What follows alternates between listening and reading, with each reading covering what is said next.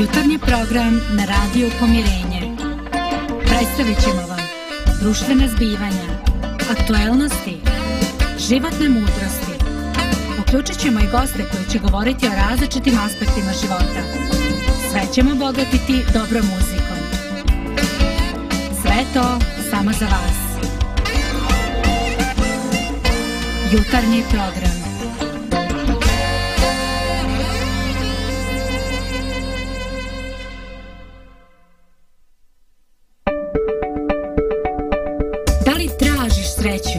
Pokreni svoj život i sve vrijednosti društva na opačke. I tada ćeš pronaći sreću. Program na opačke. Dobro jutro, dragi gledalci i slušalci našeg programa na radiju Pomirenju. Pozdravljam danas u našem studiju moje kolege Draganu i Zdravka. Nadam se da ste dobro ovog jutra. Super. Odlično. Ja sam dobio i boju kao da sam išao na sunčanje, a vama osim da pogodite kako sam to uspio. Nisam nisi- išao u solarijum. Da nisi išao na Skija. skijanje. E, jeste, jeste. Pa gdje ćeš izgoriti nego na planini? Znači, juče, to jest prekjuče, su nas pozvali neki naši prijatelji da idemo s njima na skijanje na Kupres. I tako smo juče, cijela moja porodica i ti naši prijatelji otišli na Kupres. Ja ne mogu da vam opišem kakav je to bio dan. Znači, sunce ni jednog oblačka nije bilo. A, ja sam se obukao ono kao za skijanje, džemper, jakna. Kad sam došao tamo posle prve vožnje, skidam sve sa sebe, ostao sam u kratkim rukavima, malte ne, kako je bilo toplo. A, ne znam, to je baš bio neki poseban ugođaj.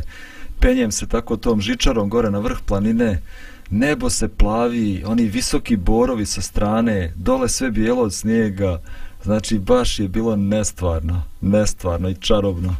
Tako da eto malo sam izgorio juče. Ma to nije ništa, ne primjećuje se ništa. Samo imaš zdravu boju. Zdravo bolje, da, da, da. Dobro. A, pa evo danas ćemo da pričamo o jednoj zanimljivoj temi zadruga u Bibliji. Govorit ćemo jednom događaju u Bibliji koji je za mene lično jedan od najšokantnijih događaja u čitavoj Bibliji. Vidjet ćete o čemu se radi, ali kao uvod krenut ćemo sa ovom nama više poznatom zadrugom. Ne znam da li ste vi pratili neki od tih reality programa, Zadruga je jedan od najpopularnijih, kažu da je 5 miliona ljudi pratilo program Zadruge na prostoru čitave bivše Jugoslavije. I siromašni, i bogati, i obrazovani, i neobrazovani, sve populacije ljudi su pratile program Zadruge. A ono što je zanimljivo jeste da su učesnici te zagrude, zadruge veoma pažljivo birani. Birani su što različiti ljudi. To sam pročitao jutros u nekom, na nekom portalu. Zašto su birani različiti ljudi? Da bi što lakše mogli da dođu do, do sukoba, do raznih intriga. I tako ta zadruga je puna intriga, puna prevara, puna laži, puna preljuba, svega onog najprimitivnijeg što u društvu postoji, što ne možete čak ni na ulici da vidite. A opet 5 miliona ljudi prati taj program. Pa ne znam jeste možda razmišljali o tome koji je razlog zašto ljudi prate nešto što je takvo smeće mogu da kažem, gdje nema ničeg pametnog što možete da naučite. Meni prvo pada na pamet da, da možda i oni žele isto to, većina bar tih gledalaca želi isto tako da se upetle u takve stvari, ali nekako nema hrabrosti, pa onda kad vidi druge, e to, to, to, onda navija sa ove sigurne strane. Ovo je interesantno, da. Pa inače svi mediji, svi mediji ovaj, imaju taj faktor uh, kao uh, umišljene izolacije, bezbjedne udaljenosti, čak na neki način diskrecije, iako mi znamo da od toga nema privatnosti na medijima. No da budem direktan kao odgovor na tvoje pitanje. Ovaj, ja ne znam zašto ljudi vole da gledaju dekadenciju. Za, ovaj, e, ponekad pomišljam da je rad toga što se oni, pored svih svojih nedostataka, e, ovaj, tad osjećaju dobro. Jer ako vidiš neke osobe koje su definitivno oštećene, koje ima dakle, e, koje vjerojatno imaju dijagnozu, imaju neku šifru, e, ja ne znam, možda se neki ljudi zbog toga osjećaju dobro. Ovaj, I ja pretpostavljam da ljudi koji gledaju takve emisije nikada nisu i nikada ne bi čitali neko žitije svetih ljudi ili neke izvištaje, jer kad čitaš o svetim ljudima, čovječ ti vidiš da ti ne valjaš, jel tako? I ne osjećaš se dobro. Kako se osjećaš dobro? A kad gledaš ovo, ti sam sebe uviriš da si ti faca. I ovaj, ne znam da li sad vrijeme za to, ali postoji još jedan fenomen. Ne možeš ti nikad biti toliko dovoljno blentav ovaj, a, da ne možeš, ali ako uđeš u šemu, ako poštoješ pravila, ti ćeš čoveče zaraditi novce koje ne možeš zaraditi nikakvim poštenim radom. Dakle, to je ono što mene brine ovaj kod toga. Znači, stvaranje tog novog narativa, ovaj bitno je jednostavno da si eh, da si se prilagodio ovaj i ti ćeš živjeti dobro, ne veze koliko stručan, pametan, moralan, ne veze ništa. Znači, jednostavno, ako si interesantan, tebi se polako, svaki dan leže neka dnevnica na žiro račun. Ovo mi je dobro, nema veze ništa, sve bez veze, ali tebi je dobro i ide dalje. Tačno. A pare idu na račun. Da. Dobijali su dobre dnevnice. Uh, ne znam tačno, najveća dnevnica je bila, ne u stvari sedmična zarada je bila za neke poznate ličnosti koje su bile u zadruzi i do 4000 eura sedmično. Da, pa... 4000 eura da se ludiraš. Da. Pa treba biti pilot nekog putskog aviona, ne znam zarađuju li on toliko novaca, pretpostavljam da ne. Uglavnom, to je jedna ogromna mašinerija. Čitao sam da ne znam, početci farme, to je bila neka kućica, onako skromna, gdje su ti učesnici bili, ali zadruga, to je jedna ogromna površina, ne znam koliko hektara, tu ima bijela kuća, tu ima jezero, tu su čamci, to je, to je luksuz. 1500 ljudi radi na realizaciji ovog programa. Znači, jedna ogromna mašinerija, čiji je cilj, eto, da a, manipuliše masama, ja bih rekao. Pa ajde, prije nego što krenemo na ovu biblijsku zadrugu, da zamolimo zdravka da nam danas pusti jednu muzičku numeru na početku.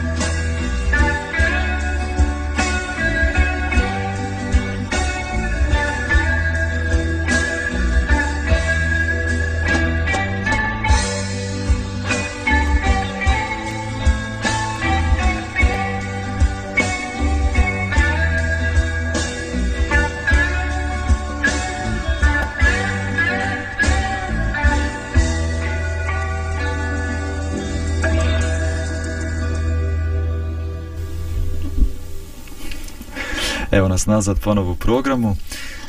Nadamo se da ste zainteresovani za priču o zadruzi, ali ne ovoj sa Pink televizije, nego zadruzi koja se nalazi u Svetom pismu u Bibliji, a zapisana je u Starom Zavjetu, u jednoj maloj knjizi koja se zove Knjiga proroka Osije. I ta knjiga počinje sljedećim riječima. Riječ gospodnja koja dođe Osiji sinu Vejrijevu. Idi, oženi se kurvom i rodi kopilad, jer se zemlja prokurva odstupivši od gospoda. I otide i uze Gomeru kćer Divlaimsku, koja zatrudnje i rodi mu sina. Jedna čudna, nesvakidašnja, šokantna poruka koja dolazi Božjem proroku Osije, Inače, Osija živio u 8. vijeku prije nove ere, u vrijeme velikog nevaljalstva ljudi i tako jednog dana dobija poruku od Boga da ide i da se oženi ženom, prostitutkom.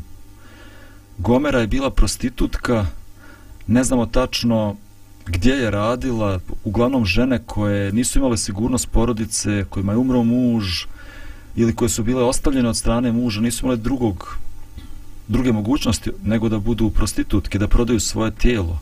I Gomera je bila jedna od takvih žena, bila je poznata u cijelom kraju po tom svom poslu koje je radila. Bilo je nečuveno da jedan Boži čovjek oženi ovakvu ženu.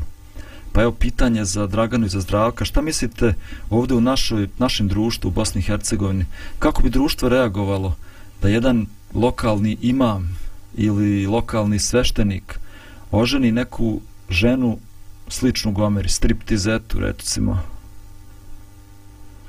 kakve bi reakcije bila, šta mislite, da li bi ljudi ogovarali, pričali, Pa pričalo bi se jedno kratko vrijeme, nažalost. Kažem nažalost, kratko, zato što niko ne bi bio toliko šokiran kao recimo prije 20-30 godina.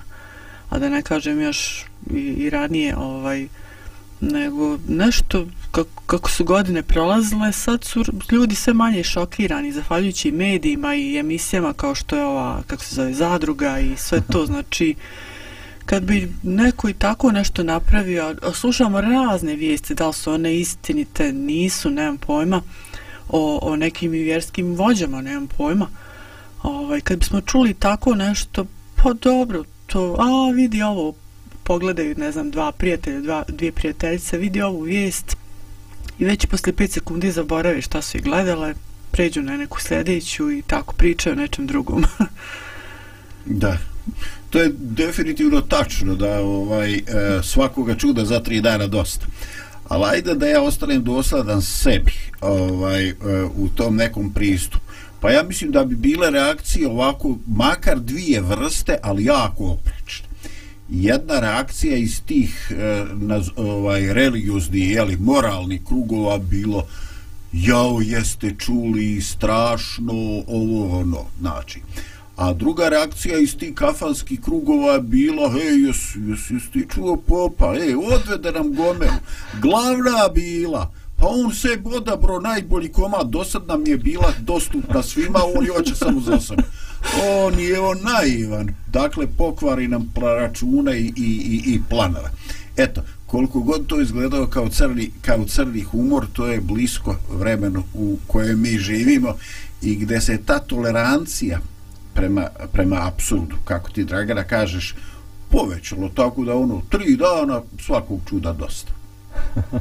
oguglali smo, oguglali smo.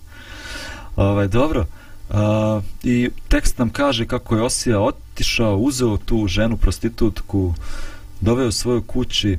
A šta mislite, zašto je njemu došla jedna ovakva zapovijest? Zašto je Bog dao tako čudnu, nevjerovatnu zapovijest njemu da oženi tu jednu nemoralnu ženu? pa ovaj, iz, kad, kad se čita ta knjiga vidi se ovaj, eh, da je klasična eh, priča. Klasična poruka sa neke e, govornice nekoga sveštenika, proroka, imama nije davala rezultate. Dakle Bog se odlučio za nešto da prodre u te tvrde glave. Dakle e, njegova namjera je očito bila da uradi nešto što je šokantno i vjerovatno i jako bilo šokantno za ono vrijeme gdje su se e, neki žestoke e, javno protivljenje zakonu kažnjavanjem kažnjavalo kamenovanjem. Znači tvoje komšije izvedu na trg i kamenuju te i upola to već zatrpaju. Znači gotovo, riješeno to ti sudija i porota i sve.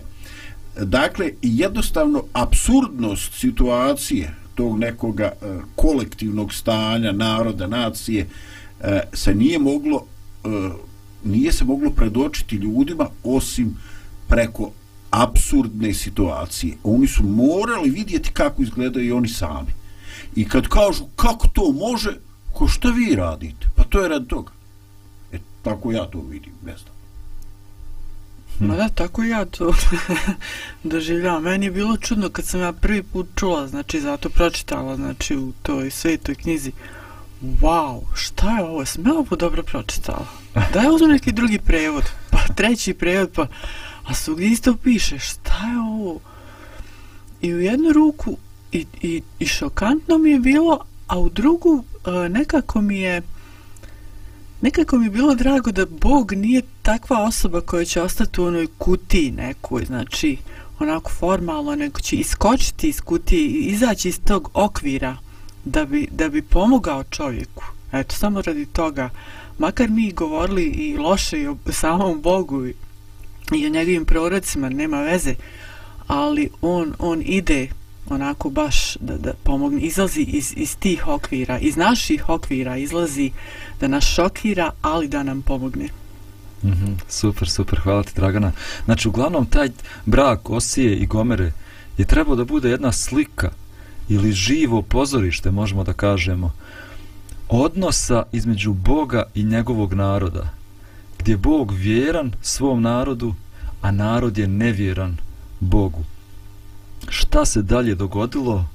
Priča se veoma komplikuje, ali evo govorit ćemo o tome nakon sljedeće muzičke numere.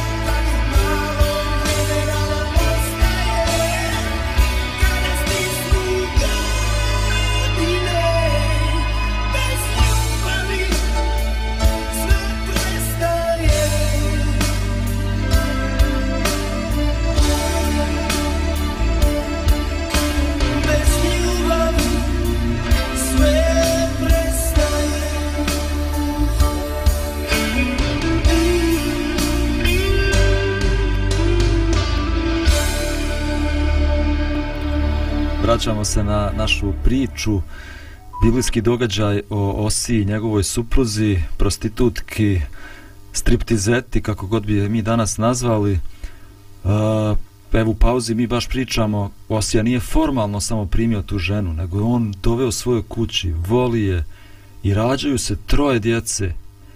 I već prvi zaplet u ovoj priči su imena ove djece.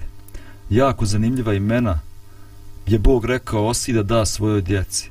Prvo dijete se zove Jezril ili Jezrael. Zašto se zove ovako? Jezrael je bilo mjesto na kome se dogodio jedan stravičan zločin u istoriji izraelskog naroda. Dati djetetu ime Jezrael bi bilo kao danas da mu date ime Auschwitz ili Jasenovac. Drugo dijete se zove Lo Ruhama na jevrejskom jeziku, a znači nema saosjećanja ili nevoljeno dijete. I treće dijete se zove Lo Ami, što znači ne moj narod. Niste moj narod. Šta mislite, a, kakvu poruku su nosila imena ove djece? I šta je to značilo za narod tog vremena? Zamislite samo to, čuju mislim, vide to dijete, hej, hej, dobar dan, Auschwitz, kako si? Ili, hej, nevoljeno dijete, kako si ti danas? Učiteljica u školi proziva, nevoljeno dijete, ustani. I su radilo zadaću. Kakva mu je bio Facebook profil, jel koristio pravo ime? A znam se da, da u školi tako proziva ili u komšilku zove jedna se curica zove Slađana, ona je slatka, slatka, kad je jednom bum, ej, nevoljeno dijete, o, tragedija. ne Slađana. Uh. E, a oprostite, ovo, e, ja, ja se sada zavitlavam sa, sa sve pritnošću ovih elektronskih medija i ovih elektronskih mreža. Ali ovaj, ja sam gotovo siguran da je rađanje svakoga tog djeteta i davanje imena ovaj e, predstavljalo svoje vrsta novi događaj koji se širio kao požar. Šta ima novo? Kada je dobio prorok dijete? S kime? Po so, ili s onom svojom? Ma jes i znaš kako se zove? I odmah oni već spremni da će to biti nešto abnormalno ili prvo se nije zvalo kako uobičajeno. I da i kako se ovo zove? I onda kreće analiza. Valjda i to je smisao svega. Super. I kakva je bila analiza? Šta su ljudi tog vremena mogli da pomisle i da shvate kad su se djeca jednog Božeg čovjeka ovako, ovako zvala? Možda su mogli da prave greške na osnovu prva dva djeteta, ali kad je došlo ovo ime da, da niste moj narod, onda, onda, o, čekaj, čekaj malo. Da se to ne odnosi na nekog drugog, nije baš na ovu porodicu, nego... Neku prenesenu znači. Da nije možda i na nas. Onaj koji imao hrabrosti mogao i to da kaže, ovi što nisam su onako čutali, povukli se u čoškove, ako su ušte šaputali išta o, o njima ili o bilo kome, o, to je bilo teško. Zdravko, jesi htio nešto dodaš? Nije, ja sam pod utiskom prebiram po glavi, ovaj, pravim te vještačke scene da trebam snimat nešto na ovu temu, vjerojatno bi mi mašta bila ovaj, izazov raznih scena. da, uglavnom, ovo je bila poruka suda. Kroz imena ove djece, Bog je davao poruku svom narodu, a to nije bila prijatna poruka, nije bila neka lijepa poruka, nego poruka suda. Nevoljeno dijete, niste više moj narod. Poruk, sjećanje na neki stravičan zločin koji se ranije dogodio u narodu. A zašto je od Boga došla poruka suda? Ja bih volio da vam pročitam tekst koji objašnjava kako je narod živio u to vrijeme uh, i da možda razmislimo da li postoje sličnosti sa našim vremenom danas. Kaže ovako, u četvrtoj glavi ove iste knjige, jer gospod ima parbu sa stanovnicima zemaljskim, jer nema istine, ni milosti, ni znanja za Boga u zemlji. Zaklinju se krivo i lažu i ubijaju i kradu i čine preljubu, zastraniše i jedna krv stiže drugu, zato će tužiti zemlja i što god živi na njoj prenemoći će i zvijeri poljske i ptice nebeske i ribe će morske pomrijeti. Kad sam pročito prvi put ove tekstove, pomislio sam kako savremeno zvuče. Ne znam da li vama zvuče savremeno, da li vidite sličnost ljudi onog vremena sa nama, ljudima koji živimo u 21. vijeku danas. Boždare, e, javila mi se jedna slika u glavi. Ovaj, e, kaže se, mislim da je to gore na sjeveru. Kaže, gotovo svake godine dešava se jedan fenomen. E, ogromni primjerci kitova jednostavno se iz nekog nepoznatog razloga nasuču na obalu i izvrše samoubistvo jer oni ovaj takva im je tjelesna građa da kad oni dođu na tvrdo na podlogu bez vode ovaj njima dolazi automatski do unutrašnjih oštećenja krvarenja organa jer su ogromna su to tijelesa, nekoliko tena teška.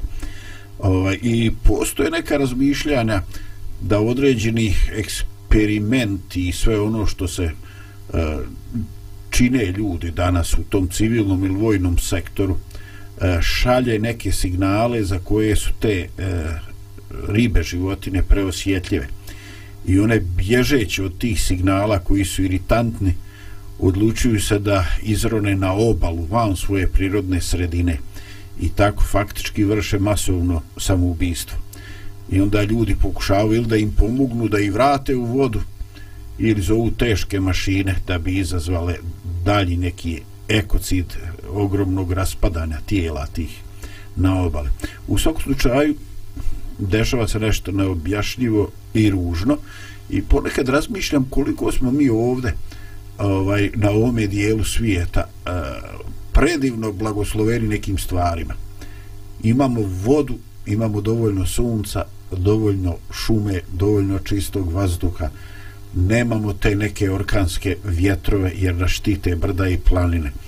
Ovaj, eh, uh, ovdje je baš priroda izdašna prema čovjeku.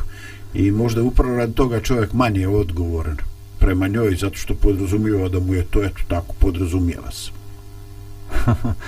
ja stvarno imamo imamo fantastičnu prirodu ovdje u Bosni i Hercegovini nemamo tih nepogoda puno kao drugi ali nije nam to ni potrebno Zato što malo malo pa ubijamo jedni druge i ratujemo jedni protiv drugih.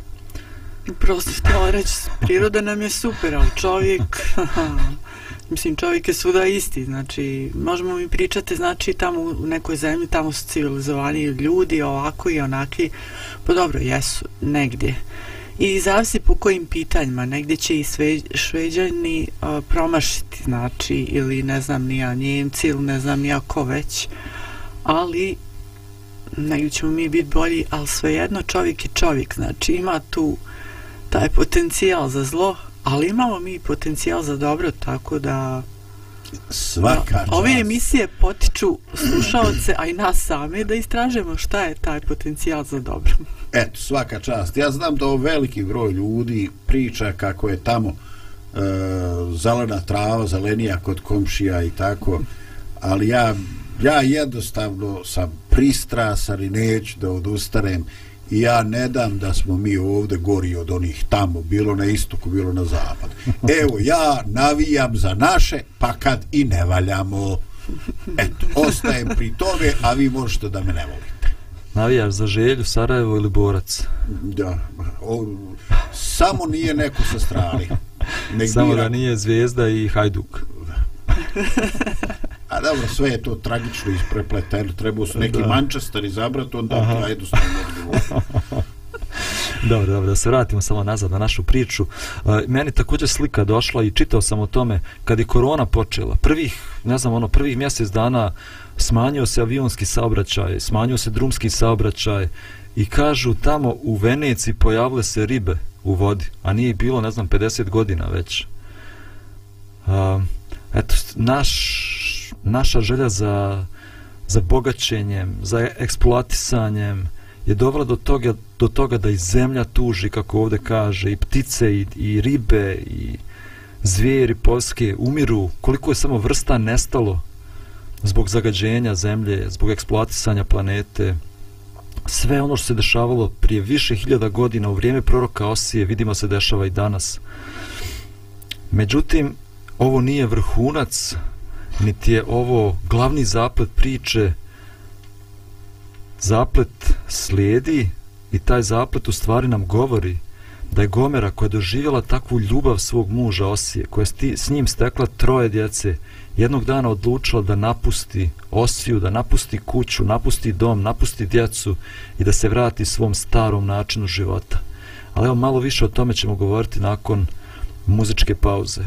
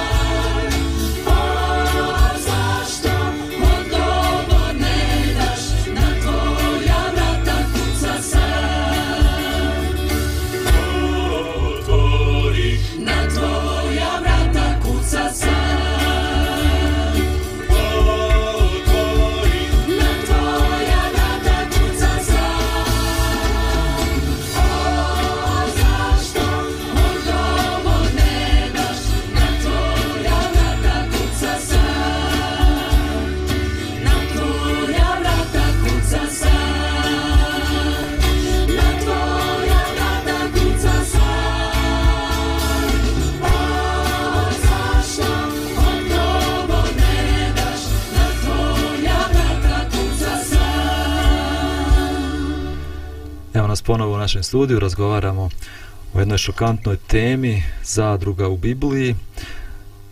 Prije nego što nastavimo našu priču i prije nego što sačekamo vrhunac ove priče, vrhunac zapleta, a, imamo jednu dobru vijest danas, kao i obično. A, u našem programu želimo da istaknemo neke dobre vijesti, dobre poruke, dobre događaje. Ja danas želim da govorim o jednom kratko o jednom mom prijatelju koji se zove Boro Kostadinović. Boro Kostadinović živi u Brodu i on je vatrogasac. Već više od deset godina radi u vatrogasnom društvu u Brodu i on je za mene jedan pravi heroj. Zato što je Boro do sada spasio mnoge ljude. Prije nekoliko mjeseci je izbio požar u jednom stanu na četvrtom spratu u zgradi u Brodu i u tom stanu su bila djeca, niko nije ni znao da su djeca ostalo u tom stanu, sama su djeca bila, po noći se dogodio požar ovaj, i Boro se herojski popeo merdevinom na četvrti sprat u stan koji već bio u požaru, pun dima i izvukao dvoje djece.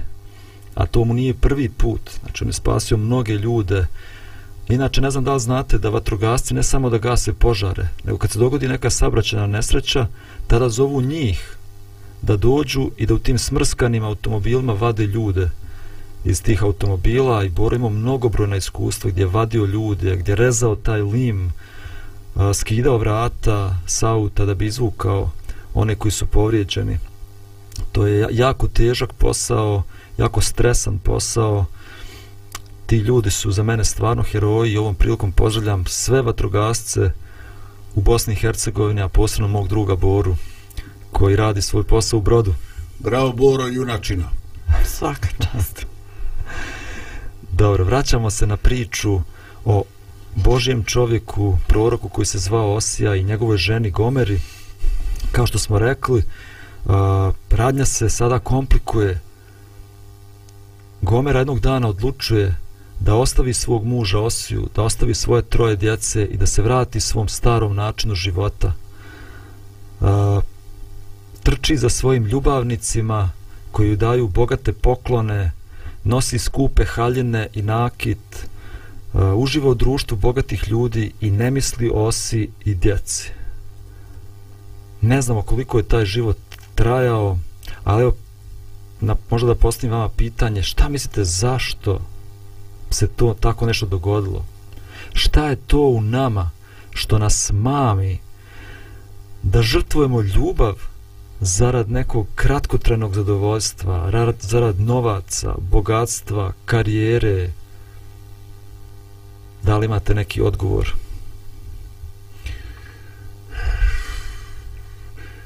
Moj, ovaj, moji bi sa sela rekli, ovaj, šeitan burazoru, šeitan ne da čovjek mira i ovo malo duše što ima okreće protiv njega. Ovaj, eto, sjetio sam se i filma ovo malo duše. Ovaj, gde jednostavno i to što je plemenito u čovjeku je postaje izvor njegovog nemira, njegove strasti. I ovaj pateć što nema dobro čovjek se uvaljuje u još veći problem. Pa ti strako malo prispomenuo ono mi to uzimamo sve zdravo za gotovo onako znači ovo što živimo u jednoj prilično lijepo je zemlje što se tiče prirode.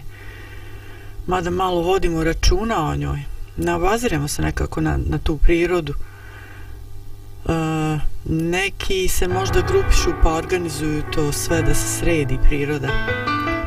Ali ali neki većina ja mislim da da samo bacaju nešto po prirodi tako. Tako mi radimo i sa ljudima.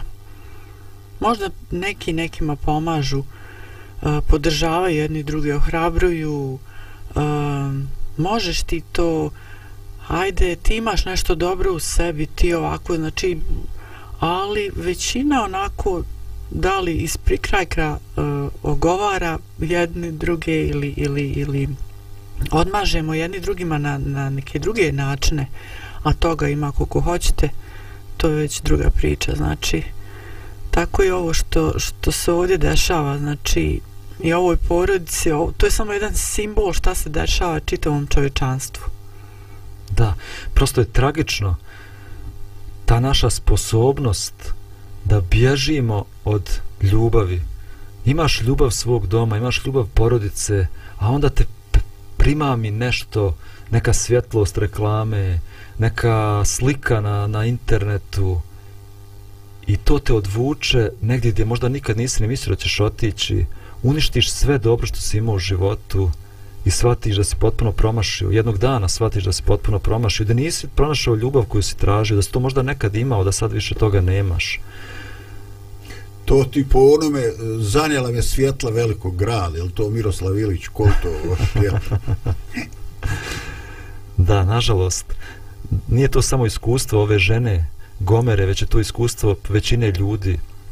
Ali eto tako i ona ostavlja ljubav muža, koju je volio, ostavlja toplinu svog doma i odlazi da prodaje svoje tijelo, da živi uh, za skupe poklone.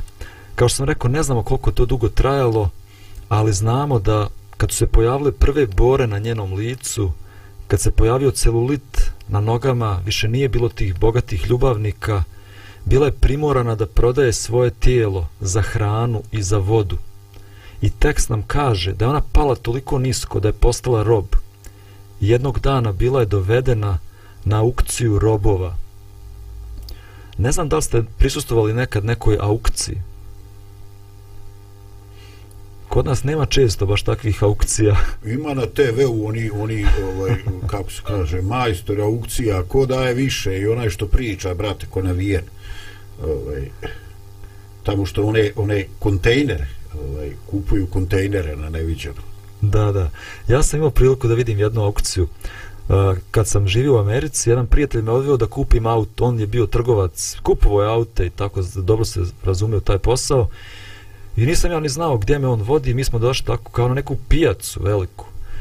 I tu je počela aukcija, tako dovodi, dovoze se auti jedan po jedan i onda ljudi se nadmeću, svako nudi cijenu.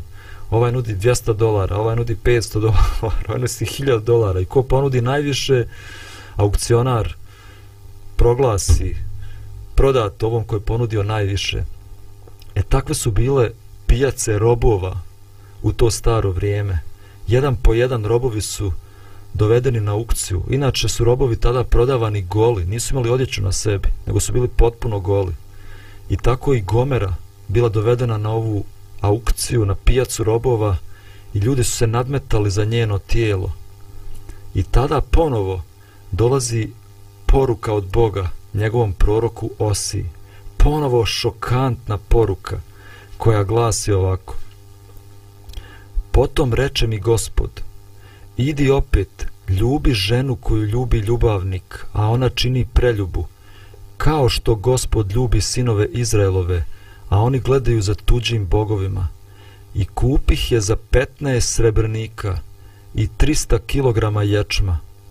I rekoh joj, sjedi kod mene dugo vremena i ne kurvaj se i ne budi drugoga, tako ću i ja biti tvoj. Osija odlazi na pijacu gdje su se prodavali robovi i tamo je ugledao tijelo svoje žene Gomere i ljudi se nadmeću za njeno tijelo. Neko nudi pet srebrnika, neki drugi čovjek nudi osam srebrnika, treći glas se čuje deset srebrnika, a onda se začuo glas Osije koji kazao 15 srebrnika i 300 kg ječma. Aukcionar je pitao da li postoji veća ponuda od ove i pošto nije bilo veće ponude, on je udario čekićem po stolu i kazao prodato Osi. I Osija oblači svoju suprugu, u svoje naručje i nosi, je, nosi je svojoj kući. Ne znam šta vi mislite o ovakvoj ljubavi. Kakva je to ljubav? Jes, brate, gadno biti prorok. Ono, ovaj, kandiduješ se za najvećega međeda u naselju. Jer kakvi god da ima nakaradni, ti svi moraš pobijediti. I ispasti najnuluđi, jer takva je poruka došla. Eto, kad želite da budete neki svetitelji, neki veliki ver, vođe, e, morate računati na to da možda ćete dobiti neki nalog koji baš nije ugodan i razumljiv. Evo, brate, ovo je meni strašno. E, htio bih samo da dodam na taj tvoj opis kupovine robova, ovaj, koliko je ta bezdušno ovaj situacija ono što sam ja imao običaj što sam ja imao priliku da čitam u nekoj ozbiljnoj literaturi.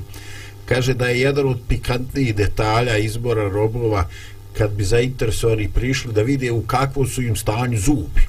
Jer suštinska odlika toga roba koliko on vrijedi može li on jesti ili će on sjediti dva sata ovim svojim krljavim zubima da jede nešto, neku žitaricu ovaj, dakle ljudi su prilazili prstima otvarali usta da vide koliko tu ima zuba i tako. Dakle e, nevjerovatno gubitak e, ljudskosti je to ovaj ne, to predstavljeno. Ovaj i on ju opet vodi. I on ju vodi i kaže ovo što ja sada radim je slika onoga što Bog radi za vas. Da ja ne bi se baš složio s tobom da je prorok mora da radi nešto je najstrašnije ja mislim da pro, ovaj čovjek bio pozvan da uradi nešto najveličanstvenije da Nama voli, je to čudno. Da voli bezuslovnom ljubavlju. Nama je to čudno, baš to, Dragana. Pa nama, da. Pa, pa su, kako su reagovali, šta misliš Božda, kako su reagovali tamo u njegovom mjestu? Ne znam kako su oni reagovali. A mi danas se... A znam kako je Gomera reagovala. Viš kako se sad, sad ovo da se zaintrigiralo čovječe, pa, e, pa još, danas... još uvijek je ljubav nenormalna na ovoj da. zemlji. Bez obzira koliko mi imamo kompjutera ili ne znam čega, šta mi izigravamo moderno, ali nama je ljubav nenormalna. Mislim, to, to je to dok se mi priviknemo na neku bezuslovnu ljubav, da nas neko voli bezuslovno, to nam je šokantno. A dok mi se naučimo i naviknemo da volimo bezuslovno, dok se oslobodimo svega toga da možemo da volimo o čoveče, pa prođi ti ne, čitav život, džabe da živiš 200 godina, 500 godina, ako, ako ti nikad ne naučiš to, ako, ako ne shvatiš, ako ne sazreš na taj način, zamisli. Pa ja se bojim da mi to, ovaj, oni najbolji među nama shvate to ne da nauče da praktikuju, nego nauče da bi to trebalo. Teoretisanje je jedno, znaš, ali kad djeluje nešto, mi smo, evo i sad pričali o prirodi, ali, ali nije to baš prirodno, to je nešto nadprirodno, to je nešto iznad ove planete, što može da promijeni čovjek. Da, da, kao što smo rekli, ovaj događaj je u stvari bio slika ili živo pozorište odnosa Boga i njegovog naroda, to jest nas ljudi. Mi smo Gomera, mi smo oni koji su propastili svoje živote, ali Bog u nama vidi nešto vrijedno njegove ljubavi. Dolazi na pijacu robova i otkupljuje nas, ne srebrom kao što je to uradio Osija, već apostol Pavle nam kaže, to je stvari Petar, u njegovoj poslanici, znajte da niste otkupljeni nečim propadljivim, poput srebra ili zlata, od ispraznog života koji ste naslijedili od svojih predaka, već dragocjenom Hristovom krvlju, On je sam u svom tijelu ponio naše grijehe na krst, da mi umremo grijehu, da bismo mogli živjeti pravednim životom. Bog nas je otkupio svojom krvlju. Došao na pijacu gdje smo mi bili robovi, otkupio nas da bi nas oslobodio. Ajde prije završetka koji je također zanimljiv, jer Bog mijenja imena ove djece osine, čujemo još jednu pjesmu pa ćemo onda da zaključimo ovaj naš razgovor danas. Naš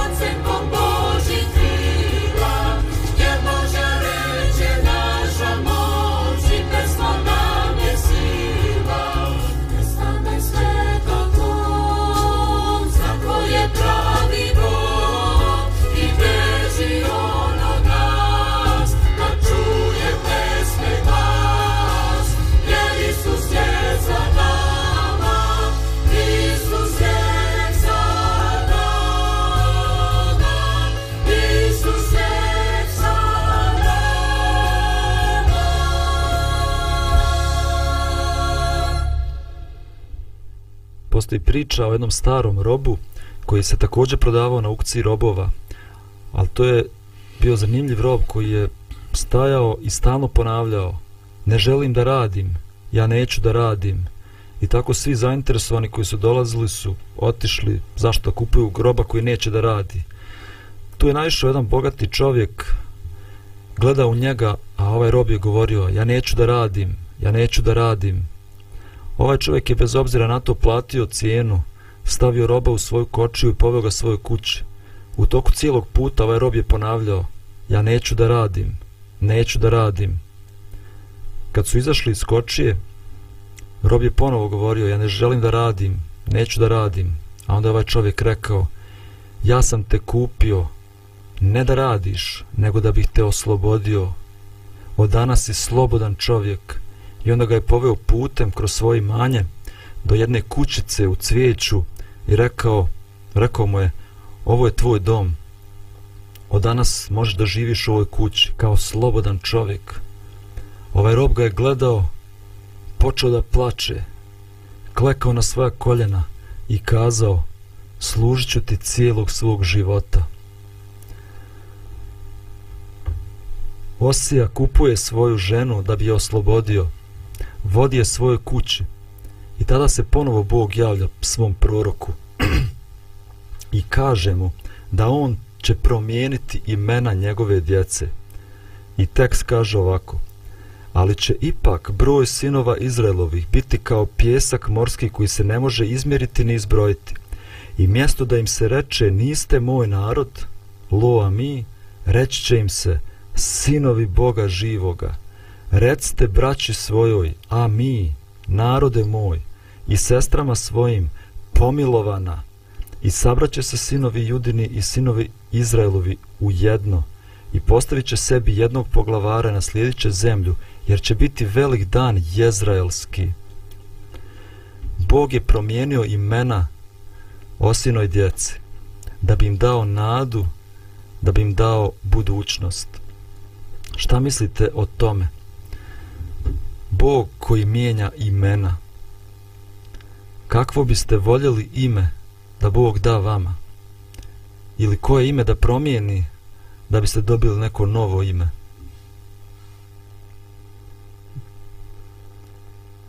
Meni sve jedno što, koje ime mi ide. ovaj, to mi je nekako više izvana i više neka objava pred, pred drugima, da kažem. ovaj, nisam ni razmišljala ovaj, o tome, ali, ali važno mi je da, da, da promijeni ono što je u meni.